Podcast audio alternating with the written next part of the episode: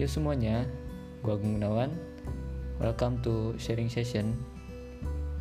Kenapa gua namain sharing session? Karena di sini gua orangnya senang sharing, senang bercerita atau banyak ngobrol lah. Uh, di sini bakal banyak bercerita tentang proses pendewasaan diri, uh, di mana hal itu bakal gue kutip atau gue ambil dari pelajaran hidup gue yang udah gue jalanin selama ini. Ya gue di sini juga gue masih belajar dan ya gue ingin mengajak kalian untuk belajar bersama-sama atau ambil yang positifnya aja dari gue gitu loh. Oke uh, segitu aja gue bingung mau ngomong apa lagi.